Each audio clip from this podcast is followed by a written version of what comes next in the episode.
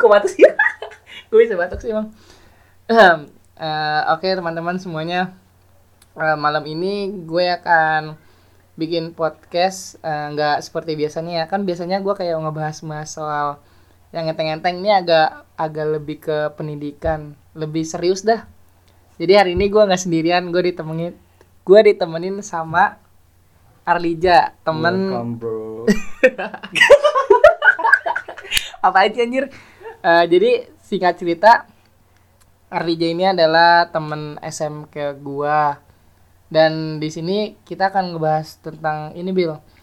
Jurusan kuliah broadcast sama perfilman. Jadi apa sih perbedaan jurusan broadcast sama perfilman tuh? Di dari sisi pembelajarannya dari semua dari apa ya, ya pokoknya dari semuanya dah. Bil lu kenalan diri dulu Bil Siap siap. Halo teman-teman. Kenalin gue, nama gue Arlizan Stion Sabili, cuman biasanya dipanggil Billy. Tapi ada beberapa orang juga yang manggil gue Arliza. Ya biarlah akrab kali ini panggil Billy aja. panggil Billy aja jadi dipanggil Billy aja dia sedikit fuckboy Enggak lah. sedikit fuckboy cuy Anjir. ini ngomong kasar nggak apa-apa? Nggak apa-apa lah. Toxic toxic juga nggak apa-apa dikit apa yang bilang Eh, jadi eh oh iya buat teman-teman semua yang udah keterima SNMPTN selamat ya.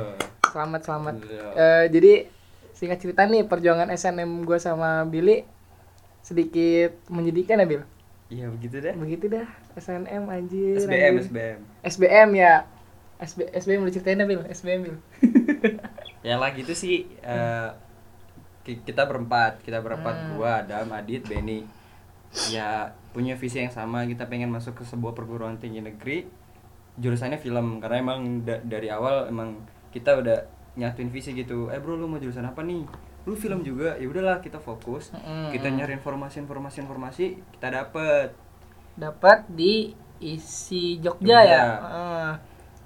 eh apa kita pertamanya ini ya, ya kayak biasa lah registrasi kayak gitu segala macam bla bla bla terus tes tes ini apa namanya tes tulis dulu tes tulis di di Jakarta tes di tulis itu di Jakarta di binus binus lu di binus gue di UMN oh beda ya beda lagi beda ya? beda oh gitu apa sih perasaan Iya. sama dah beda enggak sih Oh, kan iya. gue di gue di UMN oh gitu Mm.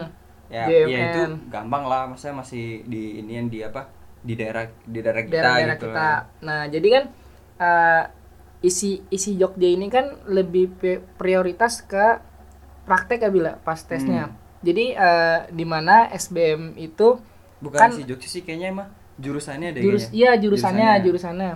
Jadi di mana SBM tertulisnya itu kan adanya di se- di kota-kota kalian yang daftar SBM nih. ya Nanti kalau misalkan kalian daftar di perguruan tinggi atau universitas negeri yang mengharuskan untuk datang ke kampusnya, contohnya kayak isi Jogja, isi Jogja itu dia itu eh, apa sih uji keterampilan ya bilang ya praktek lah gitu. Praktek praktek di dat eh praktek harus datang ke kampusnya itu.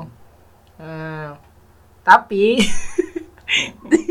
tapi di antara gue berempat nih yang keterima nih si si fuckboy ini anjing. Galah, galah. si fuckboy ini terima. Anak baik-baik anak baik anak baik-baik.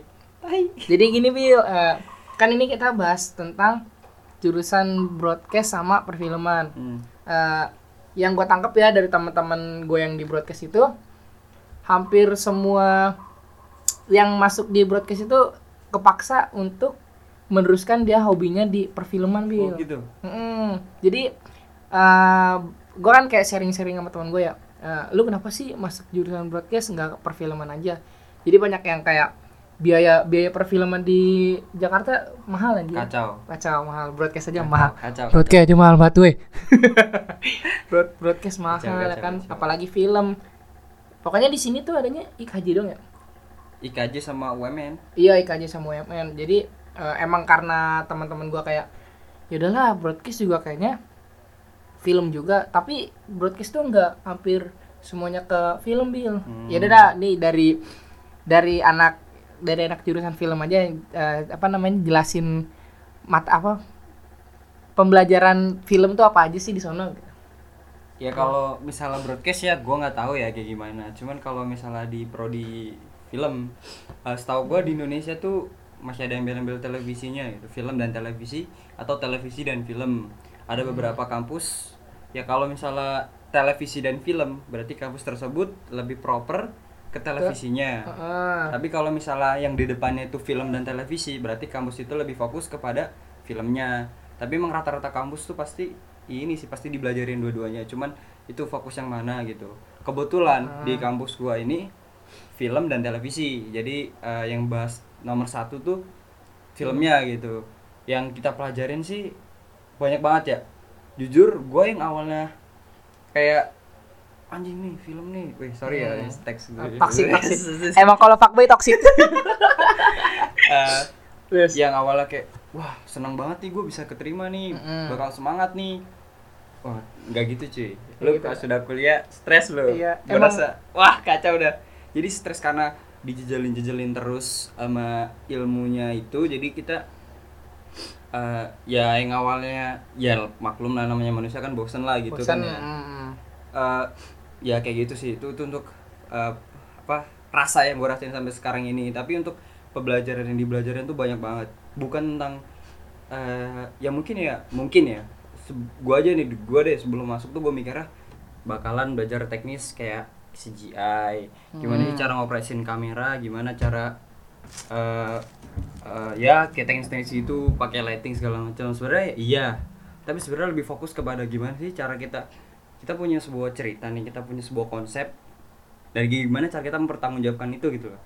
Mm, itu sih jadi untuk menguatkan cerita gitu. Udah gitu selain itu banyak banget sih belajar kayak eh ya selain memanajerial. Pokoknya kalau misalnya di prodi televisi televisi tuh eh prodi film dan televisi itu menurut gue ya semua yang ada di dunia ini tuh dipelajarin. Gerak dari mulai psikologi.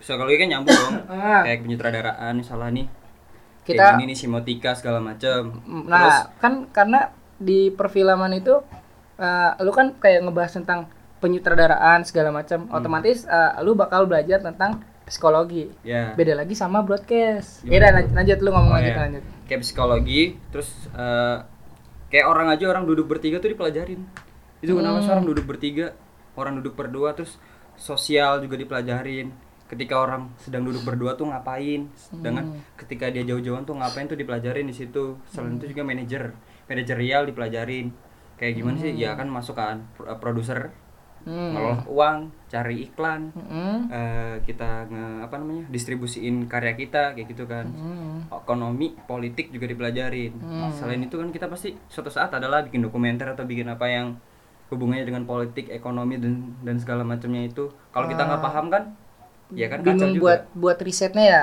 nah Ah, untuk riset Buat juga riset juga. ah. riset juga diajarin di mata kuliah pasti ada terus eh, make up juga diajarin ya buat buat lo yang suka suka make up nih diajarin di situ Tuh yang pengen bikin makeup tutorial masuk ke jurusan film aja. bisa bisa bisa Eh, pemilihan baju juga apa namanya tuh fitting fitting baju Fitting kan baju. ada kan Ah. itu juga diajarin jadi eh, makeup tuh juga bukan makeup cuman realis doang ada makeup eh, fantasi makeup sci-fi makeup yang ya tau lah yang sobek-sobek segala macam sampai ah, ah. dari mulai yang tradisional yang terus daily sampai yang expert banget tuh diajarin di situ Iya, dan masih banyak lagi intinya menurut gua semua yang ada di dunia ini sih hampir semuanya dipelajarin sih Dipelajarin kalau di perfilman ya. Iya. Nah, kan kalau misalkan perfilman sendiri nih dari Billy kan eh, hampir semua pelajaran di dunia ini dipelajarin. Jadi jadi kalau perbedaannya broadcasting kan kalau gua kan prodinya ini Bill, ilmu komunikasi, lebihnya ke komunikasi. Komunikasi itu apa ya? Gue juga bisa nggak nggak bisa ngedefinisin ilmu komunik apa ilmu komunikasi. Jadi emang bener jauh banget. Jadi apa yang harusnya anak-anak perfilman yang beralih ke broadcasting tuh eh, jatuhnya itu hampir 50%. apanya nih 50%. Jadi eh, misalkan nih gua kan emang tadinya kan pengen banget ikut film bareng lu ya kan. Bikin Iya. apa ikut prodi film di Ah. lu. Pak apa di kampus yang kita pengen ini berempat. Iya. Di saat gua masuk broadcasting itu yang gue pengen yang di film itu nggak nggak nggak gue dapet Oh, jadi gitu. kayak semuanya kayak lebih ke autodidak ya kan Hmm, semuanya lebih ke hmm. autodidak dan bahkan itu eh, kalau buat film itu bisa buat film tuh bisa cuman eh, buat dari pelajaran dari dosen itu jarang. Lebihnya Hmm. ke gue tuh lebihnya ke pembuatan program acara televisi, Televisi, Eh, ya. karena kan broadcasting sendiri kan eh, apa namanya kunci besar tuh emang di pertelevisian kan lebih lebih Hmm, ini ya. Eh, terus apa lagi ya? Kayak penyiaran gitu ya. Hmm, radio penyiaran juga bisa nggak? Ra- ra- radio nggak ada pelajarannya cuy. Oh ada radio nggak ada pelajarannya jadi gitu beda beda bedanya emang bedanya tuh emang anjlok dari broadcast ke film tuh jauh banget. Jadi eh, kalau buat teman-teman semua yang eh, kuliahnya bingung mau yang film apa broadcast sebenarnya kemampu kemauan diri sendiri ya. Ya nggak sih Bil? gimana gimana? Eh, kalau misalkan mau kuliah perfilman sama Ah. broadcast itu harus dipertimbangin lagi kan Benar. itu kemauan diri sendiri sih iya Nah, bocoran lagi nih buat kuliah perfilman tuh bukan kuliah yang main-main anjir ya. Parah. gimana gimana ceritain. parah nih masalah apanya dulu nih biayanya, atau Biayanya apanya semuanya nih semua dari materi ataupun produksi Oh, iya, benar, ataupun biaya. tadi kan di awal gue udah sempat ini ya nyinggung kalau awalnya gue senang banget sampai akhirnya gue stres banget sekarang Hmm. karena emang ya tadi udah pernah gue singgung isinya tuh riset. Isinya tuh riset faktualitas meskipun kita nggak ngambil dokumenter ya. Hmm. terus ya kayak tadi bukan hanya cuman riset data tapi kita riset eh, kayak misalnya nih kita mau bikin adegan eh, apa ya orang kaya sama orang miskin. Maksudnya orang kaya nih scene-nya lagi makan orang miskin lagi makan. Cuman scene sepele itu tuh scene makan. Hmm. itu tuh di riset gimana sih orang kaya kalau makan Iya, makanannya iya, tuh ah, apa ah, ah. cara pelayanannya tuh gimana terutama kalau kita misalnya ngambil tahun lama itu lebih gila lu pasti gila lu Tahun lama. misalnya kita ngambil set tahun 2000 atau kerajaan ya lama-lama gitulah Hmm. nah itu benar-benar harus riset dan ketika mungkin kalau misalnya lu tampil di bioskop ya it's no problem paling cuman kayak ya lu ntar dapat review jelek lah Iya. tapi kalau lu udah festival terutama lu masuk festival nih lu screening eh, screening di apa sebuah acara festival lah gue pernah dapat pengalaman itu Garin Nugroho tau lah tau lah Garin Nugroho sutradara kondang Indonesia Hmm. itu dia ada ada satu bahkan sekelas Garin Nugroho aja eh, dikritik gitu loh ketika ada suatu scene eh, yang ya ini kalau masalah kritik ini sebenarnya kalau udah masuk screening itu namanya eh, ada tiga tahap kan orang memahami film itu yang pertama tuh Hmm. Cuman sekedar ya. Gue gue lupa bahasanya. Cuman ini apa kiasannya adalah sekedar. Terus yang ke- kedua ini pengetahuan. Yang terakhir ini pengalaman. Maksudnya yang sekedar tuh ya tahu. Cuman ya ini film loh kayak gini gini gini. Nah kalau yang Ah, I know, I know. eh, yang kedua tuh tadi itu kayak udah mulai tahu teknisnya segala macam kayak gitu gitu teknis, lah. Hmm. kalau yang terakhir ini bener-bener pengetahuan gitu. Kayak tadi yang gue bilang uh, Bedanya orang misalkan orang di, dimakan uh, orang kaya nih makannya kayak gini nih. Hmm. sedangkan nih orang ini yang udah kategori tiga nih bener-bener detail dan paham gitu. Jadi dia pasti nggak gitu kok orang kaya tuh nggak gitu. Menurut buku ini Hmm. kayak gitu. Lah itu emang apa ya emang gimana ya sepele. Tapi kalau lu bayangin lu ketika lu di panggung ketika lu di screening lu ditanya kayak gitu lu nggak bisa jawab selesai nggak lu Iyalah selesai. selesai boys Ya soalnya kalau kalau lu udah bagus nih Udah bagus. terus ada yang kayak gitu Eh, yang eh. masalah sebelumnya orang lain tuh nggak mikir ke situ gara-gara orang ini Gara-gara kan jadi itu, kepikir kan ah. akhirnya kayak lu malu sendiri gitu loh Hmm. nah maksud gua di queer film tuh menghindari hal- hal-hal tersebut gitu loh jadi lu harus bisa bertanggung jawab hal sedetail mungkin gitu Nah kan kalau misalnya kita nonton bioskop nih ya, kita kan nonton ya pure nonton alur cerita dari akhir sampai awal. Oh bagus gitu Ah, doang kan. ya. Kalau misalkan yang pada kalau misalnya pada ngerti film kategori eh, tiga kat- gitu kategori tiganya itu kalau misalnya pas nonton film, ih apaan sih nih kok jadi gini sih Nah, gitu ya. kan. eh. kalau kategori dua mungkin kayak gini apa oh ini lightingnya bocor tuh kategori Mm, dua tuh wah ini mm. kok gambarnya jumping, ini- Jumping. kok ini gradingnya jelek nah itu Eh, kategori kalau dua kalau yang kategori dua kemungkinan orang-orang yang yang gak ngerti film paham lah masih paham ya udah sih gitu Hmm, biasanya kan selera lah iya basic basic masih tapi basic udah kategori tiga nih udah fakta. Udah fakta ya eh. kayak gitu misalnya contoh yang lagi itu tadi gue bilang Garin. Dia itu ada di scene di filmnya eh, Nyai kalau nggak salah gue lupa. Itu ada beberapa dia kan ngambil set, set tahun set tahun lama betul. Ada beberapa yang pro ketika semua orang tuh nggak paham bahwa zaman dulu tuh di depan rumah orang Belanda itu pasti ada eh, foto ratunya.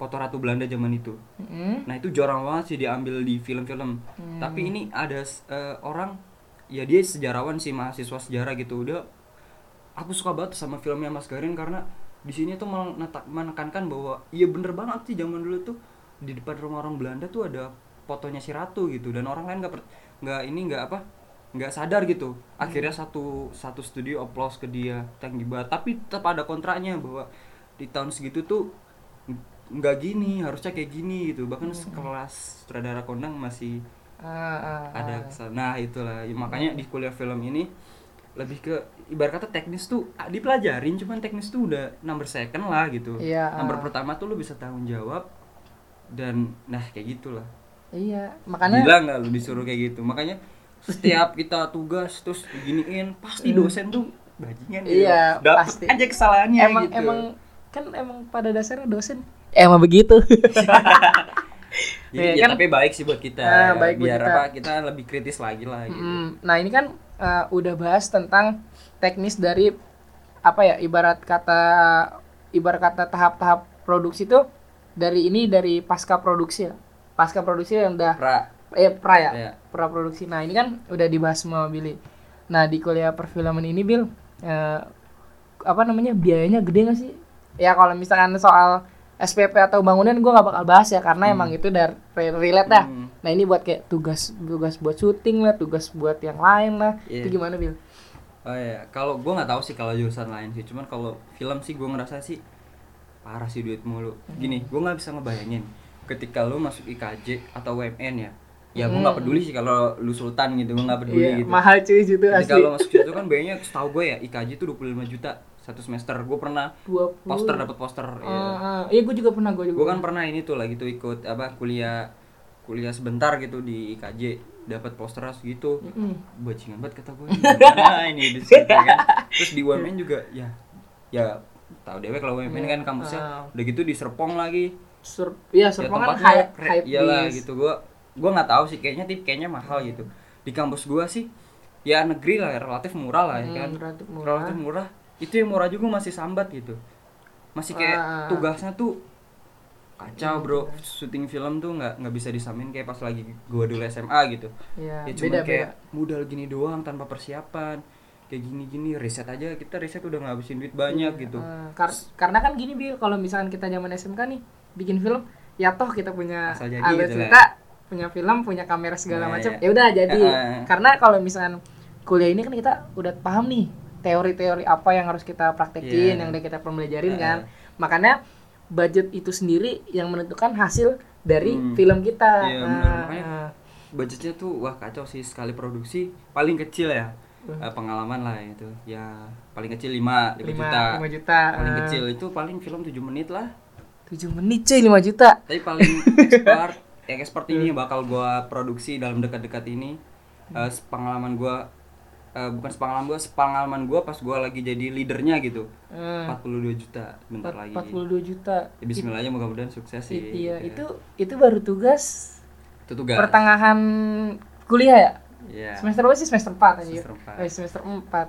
itu satu matkul Satu matkul cuy itu. Aduh gila. matkul lain belum Itu itu harus harus dipertimbangin banget ya. jadi ya, itu yang di gua tuh lebih mahalnya kayak gitu jadi tugas tugasnya tuh ya film nggak Hmm. sesepele apa sesepele eh, nggak tahu sih gua kalau prodi lain gitu gua ya lu tahu sih kalau film kan butuh lighting butuh itu apalagi kalau kita udah dapet materinya gitu Hmm. ya, ya emang kita belajarnya teknis juga diajarin sinematografi mata kuliahnya segala macem gitu Hmm. dan ketika udah dapet ilmu itu tuh kita kayak ada rasa tanggung jawab mempraktekannya gitu loh nah Hmm, jadi kita kayak nggak sia-sia gitu lah. nah, pakai kameranya yang ini yang ini yang ini struktur kerabat kerja juga diperhatikan gitu makanya gue dulu pas SMA gue mikir perasaan gue bikin film udah bagus nih kok hasilnya begini gitu. Ah, setelah ah. kuliah gue baru sadar banyak banget step yang gue lewatin kayak gini gini gini. Hmm. dan setelah ya setelah gue kuliah dan dapat ilmu ini ya gue baru tahu hasilnya. Oh ternyata hasilnya alhamdulillah. Makanya terus gue pelajarin per pelantasan gue dulu SMA pernah berpikir gitu. Ya karena begitu gitu.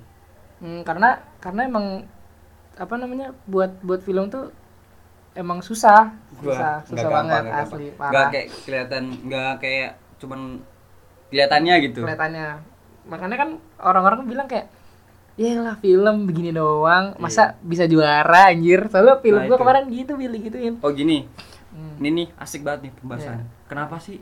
gue awal-awal masuk juga gini, anjir itu perasaan film jelek banget deh, gradingnya kayak gitu segala macam Hmm. dibanding film gue, kok kayak gini gini gini. Hmm. Ternyata gue baru tahu men, yang tadi kayak gue bilang, eh film itu berdasarkan apa ya? Origin. Misalnya nih, lu bela- berasal dari mana? Tangsel. Tangsel Tapi lu Iya. ngangkat film tentang Jawa. Itu Ah. kalau kuratornya detail, itu udah minus buat lu. Lu dari mana? Lu kok sok-sokan ngambil Jawa? Lu bukan orang Jawa. Hmm. Kenapa lu ngambil? Yang tadi gue bilang, apa? Ketika lu belum pernah jajal tuh es krim, lu bisa tahu rasanya?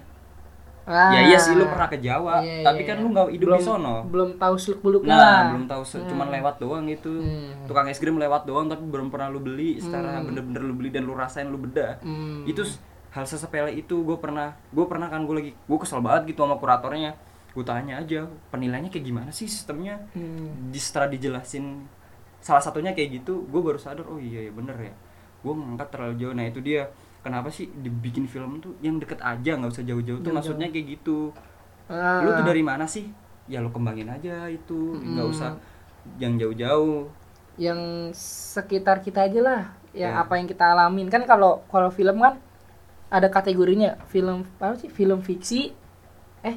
Ya fiksi ya, non fiksi non fiksi kalau non fiksi ya di luar dari apa yang biasa ada di apa lingkungan kita lah ya. Hmm. mungkin kalau misalkan yang tadi lu bilang tuh kayak eh, kita orang Tangsel nih eh, membuat film tentang orang Jawa eh, Hmm. yang di Jawa. Mungkin kalau itu lebihnya ke dokumenter kali bila lebih dapatnya ya? Wah kalau itu nggak tahu deh nggak tahu belum belum belum ini sih Eh, kalau dokumenter dari biasanya Jawa gini kalau trik gue pernah eh, apa pernah diskusi bareng Angga Dwi Masa Songko Eh, Hmm. dia itu pernah bikin film eh, mungkin kalian sebagian udah udah tahu film apa film tentang Ambon yang kerusuhan Ambon tuh kerusuhan Ambon Hmm. film apa gue lupa ya pokoknya itu dah Eh, dia itu kan bukan notabene bukan orang Ambon Hmm. tekniknya gimana supaya eh, framingnya atau kacamata ceritanya itu dapat Hmm. dia pakai penulis orang Ambon asli yang mengalami kerusuhan itu nah iya itu Nah, itu mungkin lebih itu lebih dapat ya. Eh, eh. tapi itu lagi-lagi bro dia budgetnya gede bisa riset banyak Hmm. Dan kalau kita kan yang misalnya budgetnya yang minim kan minim risetnya kan minim enggak ya itu sih Iya. ya, tapi kalau eh, mau apa eksperimental mau di screening terus siap-siap di pertanyaan-pertanyaan yang kita juga bilang ya Nah. monggo aja gitu ya kalau misalnya pertanyaan yang bikin down udah film bakal dilihat Nah. jadi kayak film sampah jadi jatuhnya iya Eh. yang awalnya orang misalnya bagus-bagus terta ada yang nanya dan Hmm. menggiring opini negatif dan lu sebagai sutradara nggak bisa mempertanggungjawabkannya ya udah yang dulu yang sebelumnya penonton bagus jadi apaan sih ini orang Ya, Ah, kayak gitu sih yang yang tadinya enggak Jadi ke bawah gitu ke bawah ke bawah ke bawah suasana emang emang ada sih ke bawah suasana gitu Hmm.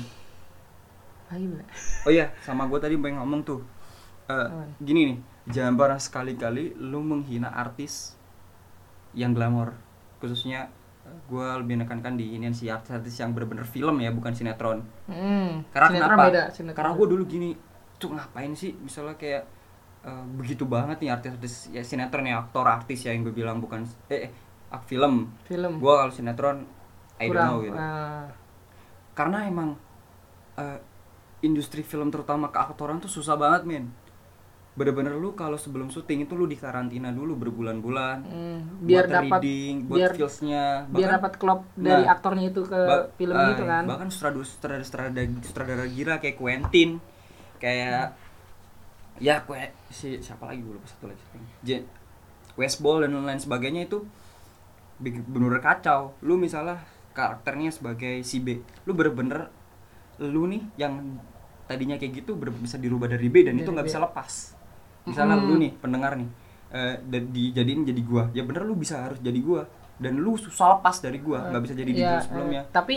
tapi itu susahnya. itu kan itu kan yang lu bilang ya. Cuman yang gue tangkap dari Reza Rahardian itu dia itu bisa memerankan dua dua peran itu nah itu nah beda itu, genius itu itu, itu udah udah Ya, lu senior ya tahu lah ya. Reza Reza perannya gimana. Ah. maksudnya Karena- karena juga kan kacau kan dia karena masuk karena kan dia lagi tuh pernah diwawancara soal eh, gimana eh, dia nanggapin sebagai eh, apa namanya pemeran film itu kayak di filmnya Habibie dan Ainun ya Hmm. gimana dia memerankan sebagai Habibie yang dengan logat ngomong ah, Nah, ya begitu itu, yang segala macam itu. dan dia bilang kayak ya emang kalau di lokasi syuting mau nggak mau kita harus tuntut jadi aktor yang seharusnya ada di film itu Hmm. tapi di mana Reza Rahardian itu dia bisa memainkan dua peran cuy di Hmm. gimana di dunia asli dan dunia itu nah itu buat poin plus lagi tuh buat aktor yang Nah. udah begitu Ya. Heeh. sama ini sih eh, tadi yang gue maksud tuh Christopher Nolan ketika dia mau bikin apa karakter sedih misalnya kayak bukan sedih sih kayak karak- aktornya itu sengsara berber dipukul sama dia. Hmm? itu udah kontrak Oh, jadi berber lu menjiwai apa yang dirasakan dipukul cuy. Gue pernah baca dari sebuah artikel dan gue pernah sharing sama orang. Dia cerita apa ya itulah Christopher Nolan tuh kacau sutradara keras. Quentin Christopher kacau itu. tapi kalau di Indonesia mungkin belum ada ya? Ya Indonesia, Indonesia kayaknya belum. belum belum sih. Cuman ini gue pernah denger siapa namanya? Iqbal Iqbal Iqbal, Iqbal Ramadan. Ramadan. waktu dia syuting film bumi manusia. Bumi Manusia itu dia sampai dipecut beneran loh. Iya. Itu dia ide yang minta gitu karena penjiwaan gitu. Oh oh iya iya tahu tahu tahu tahu tahu. Gue gue gue salah ada bro mata kuliah pemeranan hmm. itu gue bener-bener gila gitu. Gue buka apa ya? Ya kita harus lah ketika kita jadi sutradara gitu ya. Ya buat pengalaman kita semua aja. Ketika lo mau jadi sutradara coba lu peranin itu dulu kepada diri lu Hmm. kalau lu udah berhasil meranin diri lu di karakter itu kepada diri lu lu baru boleh nyuruh orang gitu berkata lu sholat dulu sebelum lu nyuruh orang sholat Ah. jadi kebanyakan kesalahan sutradara itu karakter apa talentnya tuh di- dituntut banget lu harus Dituntut kayak banget. gini gini gini Hmm. sedangkan belum tentu dia itu bisa ngelakuinnya ya kayak iya gitu sih ah, paham paham paham jadi itu yang harus di apa apa eh, dicatat baik-baik lah hmm. sebagai sutradara itu. Sutradara. Eh, kalau ngomongin sutradara nih Bill ini kan yang kita tangkap itu dari sutradara dari luar luar semua ya? Eh, menurut lu nih kan lu eh, sebagai kuliah perfilman udah buat film banyak ya Bila dibandingkan Nah, banyak-banyak amat ya, lah. banyak ya lumayan lah karena lu tidak mau ngasih tahu saya film Eh, kalau buat lu sendiri Bill gimana sih sebagai sutradara yang masih awam banget nih di Hmm. perkuliahan ini sulit nggak sih? Karena gue sendiri nih masih belum tahu definisi definisi sutradara itu gimana segala macam. Karena di perkuliahan gue kan nggak belajar sutradara Hmm. ya. Gimana Bill kalau menurut lu Bill sebenarnya tuh lu tadi yang eh, masalah tadi yang gue bilang kayak riset segala macam tuh tanggung jawaban sutradara ya. Lagi-lagi cerita itu tanggung jawab sutradara sedangkan jalannya produksi itu tanggung jawab produser gitu. Makanya kalau misalnya kita produksi kecil-kecilan yang belum paham kerabat kerja itu masih banyak crash. Kayak ya perbedaan pendapat lah kayak Hmm. gini-gini lah Hmm, misalnya nyuruh temen tuh kayak nyuruh banget gitu nggak minta tolong. Ya pokoknya ya pasti kalau yang kalian pernah produksi pasti pernah lah ngalamin namanya crash satu produksi kayak gitu. Ah. nah itu yang pertama tuh yang harus diperhatiin tuh kerabat kerja. Lu harus paham job lu tuh apa job mereka apa job dia apa fisiknya harus disamain. Pertama kali tuh fisiknya harus disamain. Jadi eh, ya gue ini gue bukan pro ya. Ini gue lagi-lagi anggap aja gue lagi bacot nih lagi ngomong Ya, gitu. ah. lagi ngeluarin unek-unek lah gitu. Siapa tahu teman-teman tim krunya dia memahami. Lanjut jadi lanjut. jadi kayak gitu apa sutradara tuh berat banget men. Sumpah. Hmm. selain tadi lu harus eh, memahami cerita dan lu bisa mempraktekkan kepada diri lu sendiri baru lu nyuruh aktor itu kayak gitu. Hmm. Eh, juga catatan lagi bahwasanya lu jangan milih aktor yang pro. Sebenarnya sutradara tuh challenge-nya bukan pakai aktor pro. Tahu, tapi lu pakai gaya Perancis aja. Gaya Perancis gue lupa. French New Wave kalau nggak salah gue lupa ya. Eh, itu lu dia itu ah Perancis apa? Jerman ya gue lupa. Ya pokoknya itulah. Dia itu pakai aktor apa namanya amatir tapi Hmm. bisa jadi amazing gitu. Ah, Nah itu. Jadi lu sebenarnya tuh sutradara tuh bukan masalah lu nyari aktornya, tapi lu bisa da- bisa bikin aktor yang biasa jadi luar biasa. Itulah tugas sutradara. Jadi bukan anjir aktor gue jelek, tuh pantesan film gue jelek. No, itu kesalahan lu sebagai sutradara. Bukan Hmm. masalah aktor yang bagus, tapi gimana cara lu nge-treatment itu aktor. Caranya yang pertama adalah reading. Pakai reki, pakai rehearsal, reading, rehearsal, blocking, karantina eh, talent eh lu pertama lu kembali lagi lu harus mem- lu harus pahamin dulu tuh cerita terapin kepada diri lu per beatnya tuh per beat dalam sebuah cerita itu motivasi lu harus punya motivasi apa baru lu bisa eh, dalam tanda kutip didik itu aktor supaya follow ke lu. Jadi dalam produksi tuh praknya tuh harus bener-bener dimatengin sih. Jadi sebelum syuting lu jangan kayak praknya dikit tapi produksinya banyak.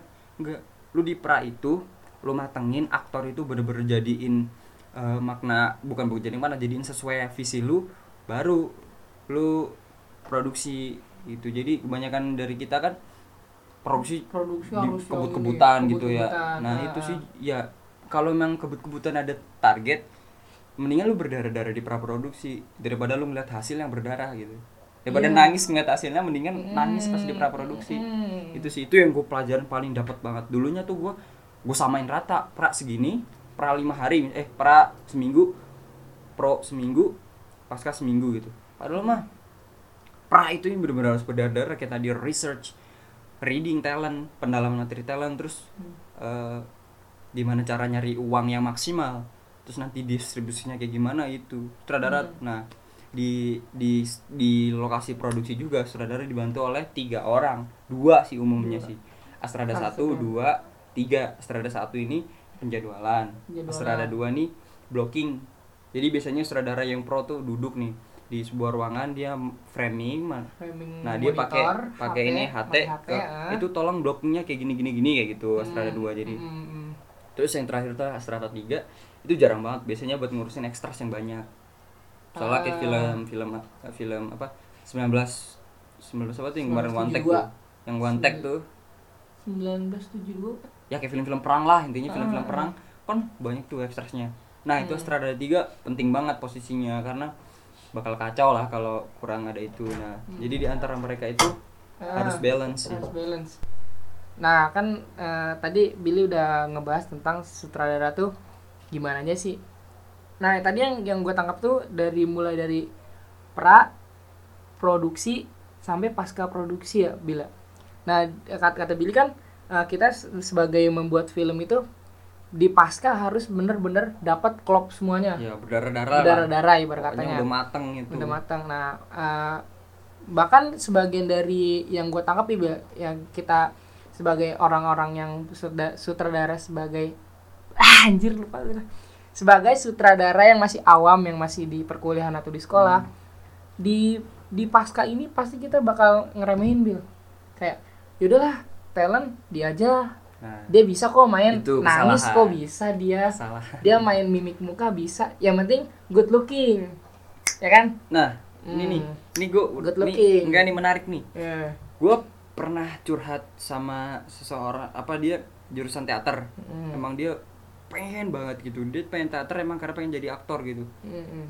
Dia rata-rata tuh selalu ngomong, "Kenapa sih kalau di industri film itu harus good looking?" good looking dan dis- dan gue mikir sendiri gitu. Hmm. iya ya nggak harus good looking nggak harus good looking maksudnya kayak kan banyak film yang nggak harus nggak pakai good looking kayak film perang atau film apa gitu lah. Itu sih kalau menurut Iya. gue ya jangan jangan deh citra kayak good looking tuh jangan dipakai gitu. Asalkan eh, dia itu aktingnya bagus dan pak yang yang penting apa namanya teamworknya sama lu tuh connect Mm. kalau menurut gue sih nggak masalah sih nggak harus good looking kan ada make up Ah, ada make up tapi gue masih masih bersangkutan bil sama lu bil Gimana? mungkin eh, yang lu bilang itu film-film action itu enggak enggak memperankan good lookingnya ya kan Iya. Eh, tapi eh, lu ngeliat sendiri gak sih nih film-film Indonesia sekarang nih pasti Always good aktornya looking. good looking, Ya, karena itu. pemasarannya dia itu di aktornya itu Nah, ya, benar. Eh, Nah, itu itu maksud gue itu eh, kan? banyak banget di Indonesia kayak Banyak gitu. Indonesia gitu Tapi akhir-akhir sini gue beberapa kali nemu sih dulu sih eh, bener-bener gue didoktrin sama sama dosen-dosen gue juga Eh, kayak lu kalau misalnya nyari talent tuh yang followersnya banyak, nah yang good looking karena Hmm, bisa ngambil bisa. bisa lu karena bisa kayak promosi lah gitu. promosi pemasaran dapat lah Nah, gitu. Ah, ah. Tapi setelah gue pikir-pikir eh, dan lagi ada sih lagi tuh filmmaker gue lupa dia matahin itu gitu loh. gue nggak harus pakai apa eh followersnya banyak gitu karena nggak semua followers dia tuh punya duit Hmm, hmm. langsung gue pikirin oh iya ya bener ya nggak semua followers dia punya duit dan nggak semua followers dia tuh eh, suka nonton di bioskop Nah, Iya, iya kalau bioskop kalau bajakan. Jadi apa ya? Apa namanya tuh? Apa tuh namanya? Strategi kayak gitu tuh sebenarnya kurang efektif kurang gitu. efektif. Hmm. Ya mungkin ada iya sih followers 6 juta misalnya Ah. kayak gitu pengaruh. Cuman kan eh, kurang efektif gitu. Kalau misalnya sampai ngorbanin yang namanya eh, visi lo tadi yang di awal harusnya kayak gini jadi kayak gini. Hmm. Misalnya contoh siapa ya yang followersnya banyak ambil contoh ini deh. Eh tapi kurang aktingnya. Eh, gua gua gua sedikit ini opini gue sambil aja. Jadi teman-teman gak harus bener-bener kayak iya nih gini Iya. gini. Eh, gue lagi tuh nonton Bill Eh, kalau nggak salah filmnya itu eh, ya My Perfect Husband tau nggak? Iya. yang di yang dimainin sama Amanda Iya, Rawles iya. sumpah itu Amanda Ra- Rawles tuh main itu nggak dapat banget sih. Nggak dapet ya? mungkin karena Bisa jadi. bisa jadi eh, sama kayak ini tuh. Ya ini pendapat ya lagi-lagi pendapat ya. lagi-lagi. Eh, itu tuh siapa ceweknya? Joshua Ah, Clarina Clay followersnya banyak men. Eh, tapi menurut gua maksain banget dia main di Yowis Band karena ya mungkin ya kembali lagi ya Yowis Band budgetnya dikit oh iya ah ah ah, ah. budgetnya Ah, dikit iya, iya. jadinya followers banyak dimanfaatin ya Hmm. ya itu tadi buat media promosi gimana caranya untuk menekan budget tapi eh, strategi juga tapi selagi lu bisa bisa maksimalin eh, talent yang lebih baik followers dikit kenapa enggak gitu Kenapa enggak? jadi Iya. intinya lagi-lagi kondisional sih menurut gua tapi kalau gue pribadi sih gua gua nggak nggak nggak like lah Iya, tapi iya sih emang emang benar. Jadi eh, aktor tuh bukan sebagai pacuan utama di sebuah film kan.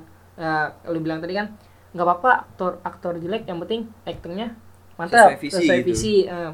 tapi kan penonton penonton sekarang lu tau sendiri Bil ya kan Iya. Eh, film nih misalkan nih, lu lu buat film apa yang jelek dah Eh, talentnya good looking. Beh coba lu lihat. Iya. Ya kan paling ya pokoknya orang-orang sekarang tuh pada itu mental orang Indonesia sih Mental itu. orang Indonesia, tapi untuk eh. kenapa sih film Indonesia ketinggalan dibanding luar negeri? Mm, mm, mm. karena pertama itu tadi pasti selalu apa ya ngikutin gimana ya? Ya kayak gitulah kayak gitu terus yang terus selain itu juga selalu nuntut ini film Indonesia kok gini-gini mulu? Sekarang gue tekanin lagi film Indonesia banyak banget yang bagus.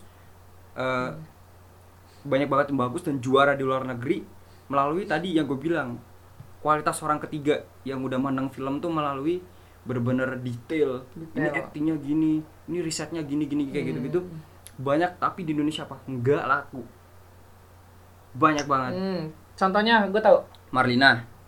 Eh, si pembunuh empat babak. Foxtrot sih tau lu Foxtrot, iya. Foxtrot terus The Night Bus The Night Bus. Ah. terus eh Wiro Sableng Wiro Sableng Wiro iya Sableng tuh, Wiro Sableng kacau itu juga aja kacau, tapi kacau. nggak laku bukan nggak laku sih cum ya Pema- nggak ses- pemasarannya ya satu juta setengah sih Ah. penontonnya cuman kan itu budgetnya 30 miliar bro eh 40 40 miliar Wiro, Wiro Sableng. iya Eh, emang Nggak- 40 M? 40 miliar Mm-mm. Gundala 30 miliar Gundala 30 miliar. Alhamdulillah deh kayaknya. Iya, Gundala gede. Eh, Gede. Gundala satu, nggak tahu deh gue lupa deh. Gundala view eh, Tapi kalau menurut gue satu juta setengah penonton tuh nggak bakal nutup 40 miliar kayaknya ya. Itu kalau Eh. dari industri film nggak tahu kalau udah masuk televisi segala Hmm. macem itu udah pemikiran produser sih. Jadi kalau film tuh eh, ini bro nggak cuma di nggak cuma di layar tan- layar bioskop doang tapi ada di TV ada di itu itu sebagai marketing juga supaya bisa menutup itu tadi apa apa biaya budget Pembiayaan itu cost budgetnya. tadi Ah. sedangkan di luar negeri penonton tuh nggak gitu penonton tuh udah masuk kategori rata-rata orang kedua dan ketiga Jadi, Paham lah. nah, film luar negeri makanya kenapa bisa se-expert itu Hmm. karena penonton mereka tuh banyak dan suka gitu Suka. tapi di Indonesia alhamdulillah akhir-akhir ini udah mulai grow up gitu penonton Iya, tahu lah sekitar kir- sekarang kita udah mulai banyak punya studio, Studio dari Access One udah mulai banyak dan orang-orang udah mulai suka gitu Hmm. ya itu tadi sih kalau lo mau film Indonesia maju ya jangan nonton bajakan gitu Jangan Di- nonton bajakan. nah itu juga kenapa film Indonesia nggak se-expert itu karena budget bro sekarang lu bayangin 40 juta yang dari 40 miliar yang tadi gue bilangin sekarang kalau duitnya itu nggak balik gara-gara mental orang Indonesia yang kayak gitu Down dia nggak bakal bu- ya nggak bakal mau siapa yang mau lagi. ya. sedangkan di luar negeri lu bikin pakai budget 10 miliar bisa dapat triliunan triliunan. Contohnya kayak film ini Bill. Eh, apa ya? Pirates of Caribbean nah iya Avenger juga kan eh I don't know, Avenger, I don't know. Avenger jauh jauh jauh Pirates Jauh of Avenger. Caribbean itu Harry Potter Joker Joker, Joker. cuy buset Itu- parah itu film-film yang budgetnya ya, Kecil. emang kalau buat di Indonesia banyak, banyak tapi kalau buat di sana, kan minim gitu loh Iya, karena kan eh, uang apa mata uang di sana sama di sini kan beda. Iya. mungkin. dan juga makanya kenapa banyak-banyak filmmaker gue tekankan ya kenapa banyak banget filmmaker jago di Indonesia pindah ke luar negeri karena di sana lebih Diha- dihargai Jadi dihargain. Eh, contohnya ini Bill eh, soal yang tadi pemasaran ya pemasaran film. Hmm. Eh, yang kemarin gua tangkap gua bahas di perkuliahan gua ini film Fast Stroke Six apa sih sebenarnya? Foxtrot Fast Stroke ya Six. eh, Six yang pemasarannya salah diberbarengin dengan filmnya Dylan. Nah, kan? itu. Nah, karena eh, gimana ya?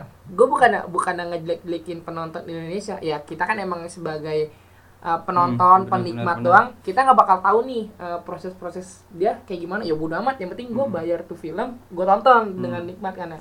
iya Cuman- benar-benar. Eh, kita balik lagi ke penonton Indonesia. Emang pada dasarnya penonton Indonesia tuh pengennya kayak, oh ya udah film ini eh, jalan ceritanya ya udah yang kayak gini Nah, kayak gini aja, ngikutin orang, ngikutin kan? orang kayak eh film ini bagus lah segala macam. Iya. Jadi jadi jadi pemasaran itu pemasaran itu yang bakal jadi film itu ditonton banyak orang. jadi mulut ke mulut ya Hmm, jadi mulut itu ke mulut. ya kita nggak bisa tadi ya apa ya kita nggak bisa balik lagi kita nggak bisa nyala, nyalain Penonton. eh, penonton Hmm. tapi gimana caranya antara filmmaker sama penonton ini grow up bareng Grow lah up bareng. lu kalau dibikin film bagus tonton lah Tonton. jadi film Indonesia rata-rata banyak bagus kenapa film Indonesia banyak yang horor karena pasarnya Pasarnya kayak gitu, gitu. kalau lu pasar lu Indonesia kayak Avenger ya Ya. kemungkinan besar Indonesia yang bikin film Ave- kayak gitu-gitu Iya. semua gitu karena pasar gitu Hmm, pasar. Kemarin yang First Stroke sih kita yang am- sampai rugi berapa miliar? itu ngeri loh produsernya itu for produser Iya, Terminator produser. Wah, Terminator sama siapa lagi tuh dosen gua kemarin bahas lupa gua anjir siapa ya. Pokoknya itu film film keren dah kalau misal eh, teman-teman yang non yang dengerin ini belum nonton film lu tonton dah. Gila itu CGI terbaik Indonesia ya.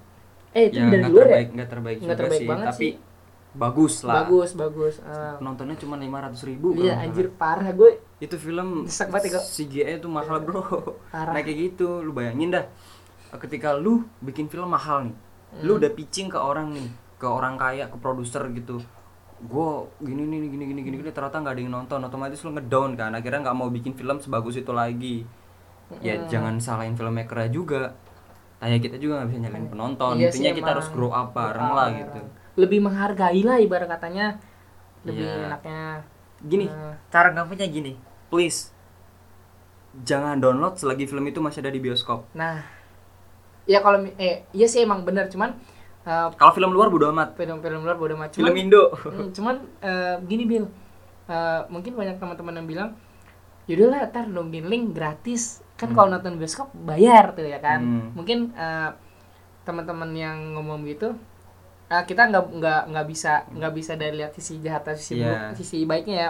Mungkin dari dari sisi jahat, yaudahlah film udah ada di link ngapain nonton di sana buang-buang Hmm. duit. Nah kalau misalnya dari sisi baiknya, yaudahlah gue menghargai film Indonesia biar Indonesia film mas- makin bagus Iya. biar masuk ke award apa yang di luar tuh Oscar dapat Os- Oscar. dapat Oscar ya kita harus hargain dengan nonton di bioskop ya ya memang agak mahal sih ya memang agak Hmm. mahal Mm. itu tadi sih apa kalau gue semenjak gue kuliah ini gue mulai sadar selagi film kalau film luar Hmm. uh, dan gue nggak lagi nggak punya duit iya gue nggak bodo amat lah download karena gue yakin penghasilan mereka nggak begitu banyak lah Ah, gitu udah banyak. tapi jangan dicontoh juga gitu tapi Hmm. itu kan sebenarnya luar negeri gitu Hmm. kalau film Indonesia sebisa mungkin kalau gue emang suka itu film gue harus nonton di bioskop nonton. itu dan itu emang tuntutan dari dosen sih Hmm. setiap setiap seminggu tuh minimal harus nonton dua film nonton. bukan karena emang tuntutan tapi emang gue suka ya mungkin uh, mungkin dosen lu bilang bener Bil jadi kayak kita tuh harus paham nih di film-film di film-film yang kita nonton yang kita ambil pelajaran apa ya kan? Nah, itu juga. itu juga penting. Selain mengapresiasi juga belajar belajar gitu. nih apa yang kurangnya? Mungkin Ya. yang tadi bilang lighting bocor segala macam. Eh, aktornya kurang gitu. Ya Hmm. begitu emang. Terus pengalaman juga Pengalaman gitu juga. ketika kita nonton film perang Eropa eh, dan kita nonton di review bagus oh kayak gitu kayak gitu. Jadi kita simpan kita catat suatu saat siapa siapa yang siapa yang nggak tahu itu kita kerja di luar negeri kita udah punya celengan. Udah punya Oh, celengan. dulu pernah ada film bagus. Dia pakai metode yang kayak gini ya kira kita pakein di sini iya emang. Ya. Gimana ya? Ini jauh jauh dari konteksnya sih Bill yang tadinya mau bahas tentang broadcast sama film emang udah ke bawah suasana Bill kalau ngomongin film tuh greget gimana sih ya kan? Emang udah ada jiwa-jiwa filmmaker. Anjay. Ya Apalagi namanya juga lagi ngebacot lagi ini. ngebacot ya? Ya apa lagi Bill apa yang lu mau sampein lagi Bill masalah apa nih? Masalah apa ya? Masalah ini dah kuliah kuliah. Eh, biar biar kita ada di tengah-tengah antara broadcast dan film. Menurut Harus. lo apa? Menurut harus apa? yang dilakukan. Ya di saat kita nggak dapat film apakah kita harus ke broadcast? Apakah kita emang harus ngambil jurusan lain biar nggak ini? Nah, gini. Yang pertama ya tergantung orang sih balik lagi. Karena gini kuliah tuh pada dasarnya terutama buat lo yang belum belum ngambil ya belum pernah belum ngambil kuliah atau mau kuliah jangan kuliah ngambil jurusan ngikutin kata orang. Dan lu nggak tahu gitu lu harus ngikutin passion lu di mana gitu. Gua aja ngikutin passion gua aja ngerasa kayak anjir berat banget gitu. Apalagi ketika lu udah nggak dari awal udah kayak apa ragu ya pasti ya begitulah ya, ya you know lah. Iya, gitu. iya. makanya yang pertama itu ikutin passion ya kalau emang passion lu di film kalau emang udah passion di situ kalau emang mau gap year ya gap year nggak apa-apa kan gap year kan nggak salah gitu. Hmm. justru lu selama gap year itu harus memperbaiki diri lu gitu Hmm. Tapi kalau misalnya emang eh, tuntutan nggak memungkinkan untuk gap year sekolah broadcast pun nggak ada masalah. Nggak ada masalah. Selagi satu lu harus eh lu jangan menutup diri kepada dunia. Kayak lu atau punya teman at, yang punya teman atau punya kenalan yang kuliah di film atau dia pernah kerja di industri film atau yang ada hubungannya dengan film lu deketin dia. Maksudnya kayak gini eh, bro ya nggak usah malu-malu bro lu kalau ada produksi ajak gua. Kayak dari hal sepele-pele kayak gitu jadi lu ntar dapat pengalaman gitu. Lu Hmm. lu dapat ilmu broadcast lu ilmu lapangan Ilmu juga dapat. ya kayak gua aja gitu gua kalau misalnya lagi produksi nggak melulu kok gua ngajak anak-anak film gua juga kadang ngajak di ada kafe anak-anak kampus lain. Asalkan apa? Dia ada kemauan dan teamworknya bagus. Hmm, hmm, itu sih. gua yang per- terutama tuh teamwork. Susah teamwork tuh. Iya eh. Kayak gitu. Jadi jadi, gitu. itu sih. Ketika lu ada kesempatan untuk gap year ya itu nggak nggak masalah. Nggak nggak aib Hmm, juga. aib dan juga. ketika lu ng- nggak ada bisa nggak nggak bisa gap year gitu harus banget kuliah ya harus nggak apa-apa kuliah broadcast dengan catatan kalau emang lu suka industri film dan punya cita-cita ke sana lu jangan ngelepasin begitu aja sama orang-orang yang kuliah atau Kuliah. bergerak di bidangnya itu gitu. Jadi lu tetap dapat connection gitu. Dan ketika lulus siapa tahu kan lu di calling. Eh, jadi jadi eh, maksud Billy tuh walaupun kita nggak dapet kuliah film jangan menutup kemungkinan kita tuh bakal nutup semua dari kuliah film tuh ke broadcast. Jadi eh, kita kita boleh aja kuliah di broadcast cuman kita itu nggak boleh lu eh, belajar itu aja melulu belajar dari broadcast aja. Mungkin bisa dari alternatif belajar dari luar atau dari Hmm. sharing-sharing sama Nah. teman nih kayak gua sharing sama Billy ya kan? Gimana sih Bill jadi sut- sutradara yang baik. Gimana sih Bill jadi DOP yang baik segala macem kan? Jadi eh, makanya tuh kita gunanya gunanya banyak temen di kuliah itu gitu. Jadi kayak Hmm, benar. sharing sharing sharing sharing. Jadi jangan jangan kayak eh, apa namanya ya jangan jadi orang yang malu bertanya gitu kan ya. Bila ya gaul ga- Hmm. gaul gaul bagus tapi kalau over gaul juga salah. Apalagi eh, apa nggak nggak nggak gaul sama sekali. Kupu-kupu gitu kuliah pulang kuliah pulang itu ya. Lu kuliah tuh nyari network dan nyari Iya. pengalaman gitu ketika lu ngobrol sama orang gitu gue juga kadang banyak banget ngambil ilmu dari Adam broadcast kayak gimana Adam kayak gini gini gini Hmm. Eh, namanya lulus kan nggak ada yang tahu Nggak ada yang tentu gue kuliah film jadi filmmaker, Filmmaker. bisa jadi gue jadi Ah. apaan gitu jadi Iya. ketika kayak itu gue juga kalau di kampus nongskinya nggak melulu sama kalau kampus gue kalau di kampus gue nongski sama anak kampus tapi Hmm. giliran di luar kadang gue sama anak di kafe anak kampus sebelah lu gimana sih kuliah lu? Anak DI Iya, oh ah. DI itu kayak gini-gini ya? Jadi kan ketika gue mau di rumah gitu iseng kan ya bikin konstruksi misalnya gue bikin bikin lemari nih. Kan gue udah pernah sharing tuh sama anak DI Hmm. oh kayak gini gini bahan yang murah gini belinya di sini. Iya kan? Ya jadi kayak eh, apa ya eh, disebutnya biar channel kita tuh luas. Nah, channel channel. channel luas Eh, apa yang kita pengen tinggal eh bro gimana sih gini gini gini gini gini gitu kan ya. Eh, sebelum menutup podcast hari ini Bill kuliah film eh, emang lulusnya mau jadi apa sih siapa nih gua Eh, apa di lu karena karena pengen jadi apa gitu Enggak, jadi eh, misalnya nih, eh, sedikit ini ya Prospek. prospek. Jadi kalau misalkan broadcast nih, eh, kalau misalkan tuntutan untuk buat lulus kan otomatis masuk ke dunia pertelevisian. oh gitu Nah, ya kan. Kalau film kan banyak nih eh, yang pada kuliah film. Jadi kayak wah gue nggak sanggup nih kayak buat film mulu segala macam karena Hmm. sutradara di Indonesia udah banyak kan. Nah, Hmm. menurut lu gimana Bil? Kuli- lulusan kuliah film tuh gimana sih? kalau lulus dari film ya eh, nggak melulu jadi film nggak nggak melulu bisa jadi filmmaker juga Hmm. begitupun juga ya nggak kuliah film Joko Joko bukan dari anak film Joko Anwar. Joko Anwar bukan dari Joko anak Anwar. film Iya tuh Joko Anwar bukan anak film. Angga Sasongko aja Bukan. nggak kuliah cuy asli.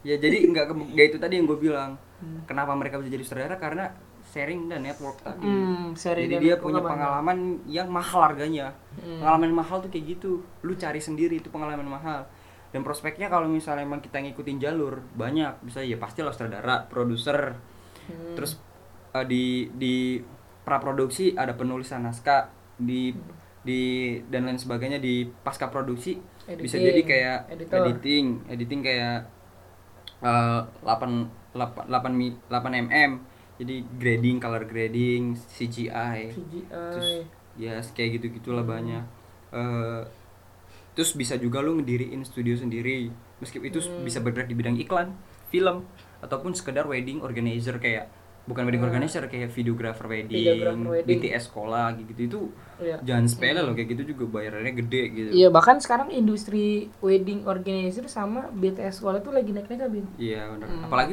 setiap tahun pasti ada kan Setiap yang kayak pasti gitu. ada ada. Nggak mungkin orang nggak kawin, nggak mungkin orang nggak lulus. Nggak lulus nggak. Iya. Kan setiap tahun pasti ada kan. Iya. Tapi kalau ditanya gue pribadi, gue lulus dari dari Dari ini dari apa? Heeh.